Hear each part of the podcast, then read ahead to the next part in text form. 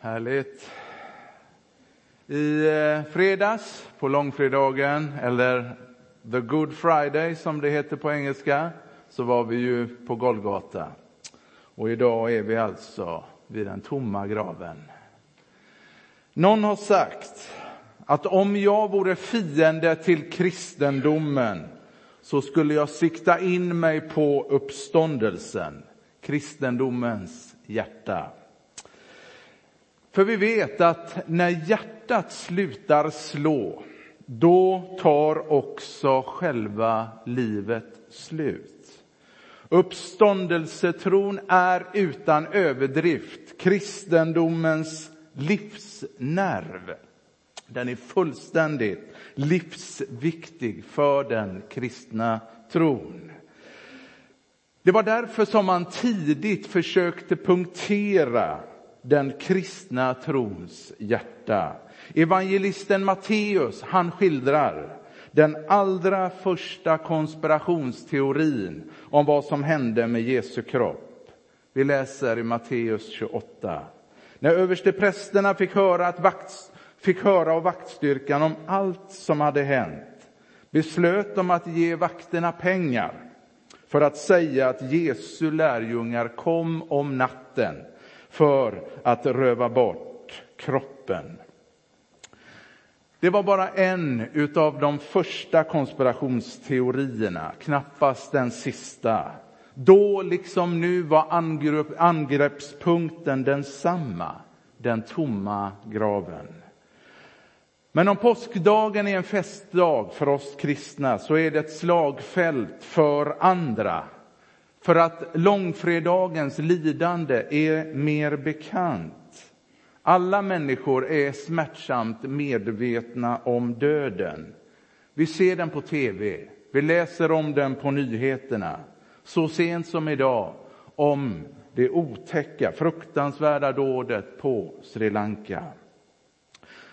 Begravningsbyråer drabbas aldrig av lågkonjunktur. Det är människans lott att en gång dö. Dödsannonserna idag byts ut mot nya imorgon. En del människor dör i hög ålder, andra de dör alldeles för tidigt. Få människor har problem med att någon som hette Jesus dog i en liten provins i romarrikets utkanter för 2000 år sedan. Döden drabbar alla människor, förr eller senare. Annat är det med påskdagen. Skälet till det är enkelt. Människor uppstår vanligtvis inte ifrån de döda och ingen har sett någon göra det heller. I veckan så var jag på ett sjukbesök nere i Frillesås och hälsade på en man där. Och han, när vi satt där i korridoren så sa han till alla som gick förbi om mig den här mannen, Johan heter han, han är pastor. Var på en av dem som gick förbi sa, ja, jag är ateist. Vad säger du om det? sa hon och tittade mig djupt in i ögonen. Och jag som liksom inte var beredd på det, jag liksom tänkte, ja, vad ska jag säga? Tänkte jag, ja, men jag har full respekt för din åsikt. Men för mig, sa jag, är påsken helt underbar. Det är liksom det kristna hoppets hjärta. Och då sa hon, nej, för mig så är våren hoppen, hoppet. Och då sa jag, men våren den, liksom är ju inte, den varar ju inte för alltid. Så kan det vara för någon. Spelar det någon roll om Jesus uppstod eller inte? Spelar det någon roll? Det viktiga är väl ändå att han dog för våra synder? Eller? Påståendet att döda människor inte kan bli levande igen är långt ifrån nytt. Paulus ställdes inför samma påstående för 2000 år sedan. Och vi finner hans svar i den text som vi idag ska titta närmare på. I denna text, vi kan få upp den på väggen. I denna text så förekommer orden om inte hela sju gånger. Det är en uppräkning av påståenden om hur mycket som faktiskt hänger på att Jesus har uppstått ifrån de döda. Paulus han tar billigt talat med den lilla församlingen i Korint till Jesu tomma grav och säger Kom ihåg att Gud har uppväckt Jesus från de döda och att allt hänger på det. Det var denna övertygelse om att Jesus hade uppstått som la grunden till den apostoliska trosbekännelsen som säger vi tror på Jesus Kristus, han som på tredje dagen uppstod igen ifrån de döda. Det är ord och inga visor, inga om och men. Jesus dog på långfredagen för att på tredje dagen uppstå igen från de döda. Det är ett häpnadsväckande påstående. Jag tror ibland så glömmer vi hur stort det faktiskt är. Det är som om Paulus säger till den lilla församlingen i Korint. Låt mig för ett ögonblick betrakta er utifrån och ställa frågan, tänk om inte Jesus uppstått ifrån de döda. Inser ni konsekvenserna om det skulle vara sant att det inte finns någon uppståndelse ifrån de döda? Han säger, om Kristus inte uppstått är vår tro tom och innehållslös. Och vi läser i, de, i den fjortonde och femtonde versen. Om Kristus inte uppstått, då är vår predikan meningslös och er tro meningslös. Då står vi där som falska vittnen om Gud eftersom vi har vittnat om Gud att han uppväckt Kristus som han ju inte har uppväckt. Om Kristus inte har uppstått, då bygger vi vår tro på en död människa. Och en död människa, det vet vi ju allihop, kan inte göra mycket. Under mina förberedelser så funderar jag på vad detta innebär i praktiken. Jag kom att tänka på mina fyraåriga teologiska studier.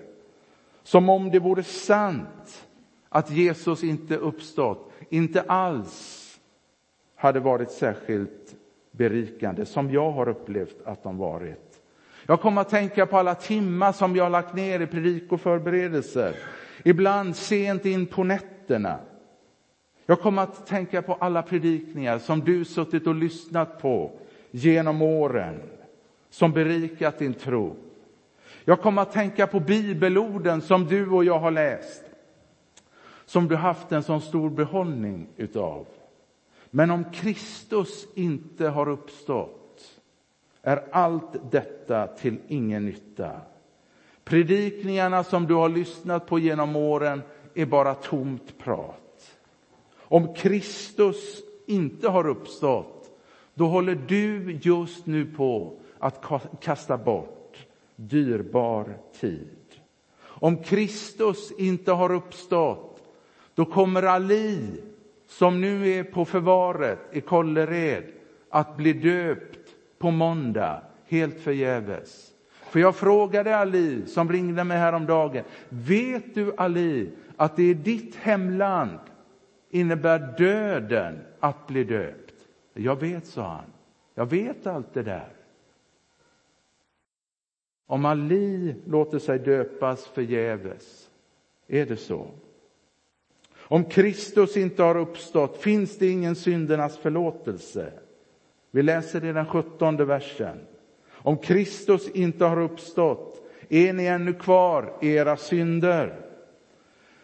Det har ju bara gått ett par dagar eller ett par dygn sedan vi påminde oss om Jesu död för våra synder. Men hur ska vi veta att Gud accepterade Jesu offer om han fortfarande är död? Att inte med säkerhet veta att Gud accepterat Jesu offer vore ju fruktansvärt. Evangelierna nämner inte en enda person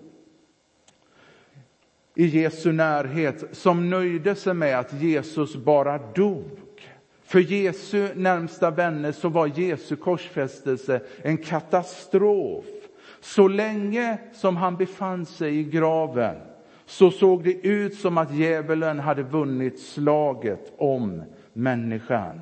Och han som hade sagt på korset, det är fullbordat. Vad var det enligt Jesus som var fullbordat? Jo, nämligen det som han var där för att göra, att dö för våra synder i vårt ställe för att försona oss med Gud. Men om Jesus inte har uppstått, då existerar inte Jesus längre. Berättelsen om hans liv är slut. Vårt syndiga tillstånd förblir oförändrat. Vi är på väg att gå under. Kan du tänka dig ett sånt liv? Det vore fruktansvärt. Vi får tacka Gud att det inte är sant. På tredje dagen svarade nämligen Gud med att uppväcka Jesus från de döda. Jesu uppståndelse är beviset på att Gud accepterade Jesu offer för våra synder. Just därför att Jesus lever kan vi vara säkra på att våra synder är förlåtna. Hör jag ett halleluja för det? Om Kristus inte har uppstått finns det inget hopp bortom döden. Då har också de som insomnat i tron på Kristus gått förlorade, läser vi. Lägg märke till Paulus ordval när han säger att de kristna som dött i tron har insomnat i Kristus. Det grekiska ordet betyder, eller är nära besläktat ska tilläggas, med ordet kyrkogård. Det var de kristnas hoppfulla och positiva namn på kyrkogårdarna. Det grekiska ordet betyder sovplats, sovsal. Det var där de kristna begravde sina döda, i sovsalarna. Varför sa de så? Jo, för att när du och jag går och lägger oss för att sova så förväntar vi oss att någon gång vakna upp igen. Det var så de tänkte. Just för att Kristus är starkare än döden skall de insomnade i Kristus vakna upp igen. Om inte Jesus uppstått, då har döden visat sig vara starkare än det bästa liv som levt på denna jord. Om inte Jesus stod upp till evigt liv, hur chanslösa är då inte syndare som du och jag? Det berättas att en kyrka i London hade planerat en skördefest under andra världskriget. Och kyrkan den var vackert dekorerad utav grödor av olika slag. Och mitt ibland alla grödorna så stod en kärve utav majs. Men gudstjänsten kunde inte firas, för under natten så förstördes kyrkan av ett våldsamt bombanfall. Månaderna gick och våren kom. Då lade de märke till att mitt på platsen där kyrkan stod hade det nu börjat växa upp små skott. Sommaren kom och skotten blommade. Och på hösten så hade ett stycke majs växt upp ibland rasmassorna. Även om bomberna åstadkom en fruktansvärd förödelse så kunde det inte ta död på livet inuti fröet. På samma sätt är det med uppståndelsen. Jesu tomma grav är det slutgiltiga beviset på att livet är starkare än döden. Och så lyssnar vi eller läser vi. Om Kristus inte uppstått är vi bara en samling stackare. För Paulus skriver, om vi i detta livet sätter vårt hopp endast till Kristus och han inte har uppstått, då är vi de mest beklagansvärda av alla människor. Har du tänkt på att om Kristus inte har uppstått, då bygger du och jag vårt liv på en bluff. Om Jesus inte har uppstått, då är lovsångskörerna vi har sjungit tillsammans med barnen bara väljudande musik. De är vackra, men de är ingenting mer. Då är bönerna som vi bad här inför gudstjänsten till ingen nytta, därför att Gud kan ändå inte höra dem eller göra någonting åt dem. Om Jesus inte uppstått, då kan ingen av oss kalla sig kristen, därför att Jesus han kan inte både vara i graven och i ditt hjärta samtidigt. Om Jesus inte har uppstått, då har vi inga glada nyheter att förmedla till världen utanför. Om Jesus inte har uppstått, då kan vi avsluta alla biståndsprojekt idag och be våra missionärer eller biståndsarbetare åka hem till sina hemländer igen. Om Jesus inte har uppstått, då kan vi påbörja försäljningen av kyrkan redan imorgon. Om Jesus inte har uppstått, då är dagens gudstjänst ett enda stort spektakel. Allt detta, menar Paulus, är vad som står på spel om det inte finns någon uppståndelse ifrån de döda. Jag har uttryckt mig i rätt skarpa ordalag, för det är precis vad Paulus gör. Han, liksom jag, är inte, är inte intresserad av att medverka till ett religiöst skådespeleri. Vem är villig att sätta sitt liv på spel för en bluff? Ja, inte var Ali, när han ringde, villig att göra det. Och inte jag heller. Om Kristus inte har uppstått är vi ingenting annat än en samling stackare. Om, om, om, om. Allting hänger på det där lilla ordet om. Tänk om inte Jesus har uppstått. Men tänk om han har gjort det. Från att ha betraktat den lilla församlingen utifrån så kliver Paulus in i församlingen igen med den glada hälsningen. Men nu har Kristus uppstått från de döda som förstlingen av de insomnade. Tänk vad mycket som hänger på de där två orden, men nu. Ordet förstlingen i texten är intressant. För det beskriver på Bibelns tid, det var benämningen på åkens första grödor som man offrade till Herren. Det var en glädjens dag som betydde att en ännu större skörd var på väg. När Jesus stod upp från de döda var det Guds sätt att säga, en vacker dag ska alla mina barn uppstå från de döda. Inte en enda av dem ska lämnas kvar i graven, utan var och en ska uppstå igen till ett nytt liv. Ett odödligt, oförgängligt, felfritt, fulländat, förhärligat, friskt, syndfritt och ett Kristuslikt liv. Ett liv tillsammans med alla de heliga, från alla tider, alla länder, alla stammar, alla språk. Ett antal som ingen kan räkna, som skall stå inför tronen och skratta och sjunga, älska varandra, vara sig lika fast ändå olika och mer än vad vi någonsin kunnat drömma om. Den dagen ska vi få möta alla de som har gått före. Abraham, Paulus, Luther, William Booth, nära och kära. Den dagen ska vi få möta Jesus och se honom som han verkligen är.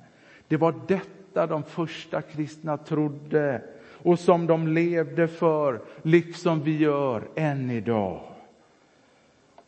För en tid sedan så sa en frisör till mig, påsken är väl för er kristna den allra viktigaste högtiden. Och jag sa, ja men det stämmer. Med det sagt så betyder det ju inte att jag inte älskar julevangeliet. För det gör jag ju, absolut. Men det är någonting alldeles extra med det tomma korset och den tomma graven. Det bara är så.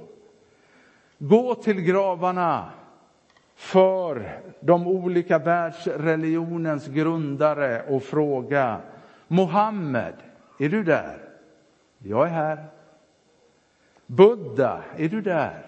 Jag är här. Konfucius, är du där? Ja, jag är här. Mose, är du där? Jag är här.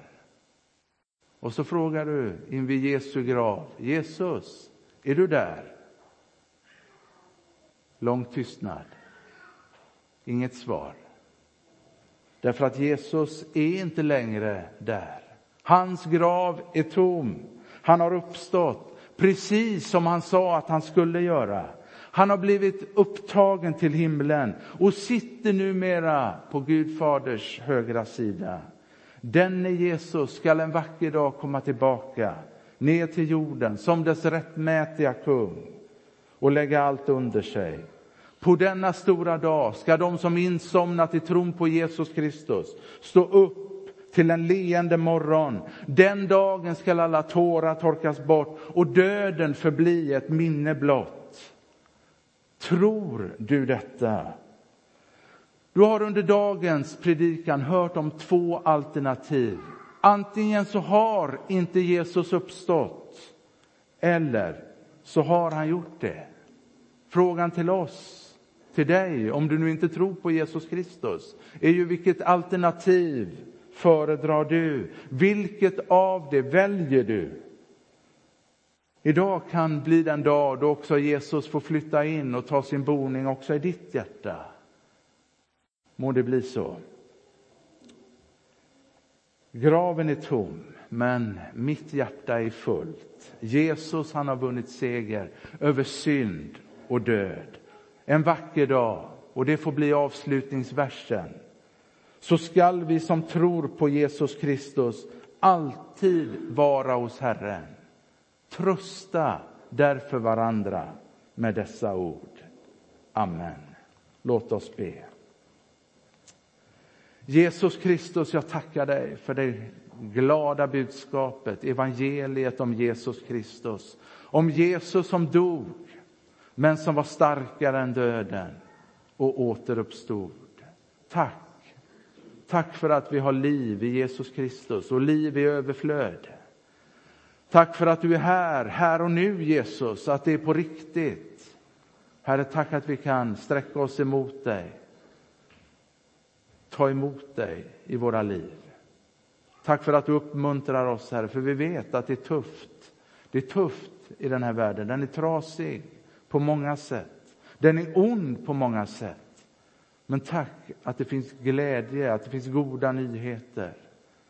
Och låt oss trösta varandra med dessa ord och också den värld vi lever i. Amen. I dagens gudstjänst så finns det som i alla våra gudstjänster möjligheten att få tända ett ljus eller också skriva en lapp och lägga i bönekorgen här. Vi kommer att be för den korgen, bönämnena i den, men vi kommer inte att läsa upp bönämnena. Men det finns också personliga förebedjare. Karl-Gunnar och Miriam kommer att sitta längst fram och be för dig som vill det. Och du kan säga vad du har på ditt hjärta eller bara säga be för mig och inte säga mycket mer än så. Gud välsigne dig. Och så går vi inför Gud i tillbedjan. Amen.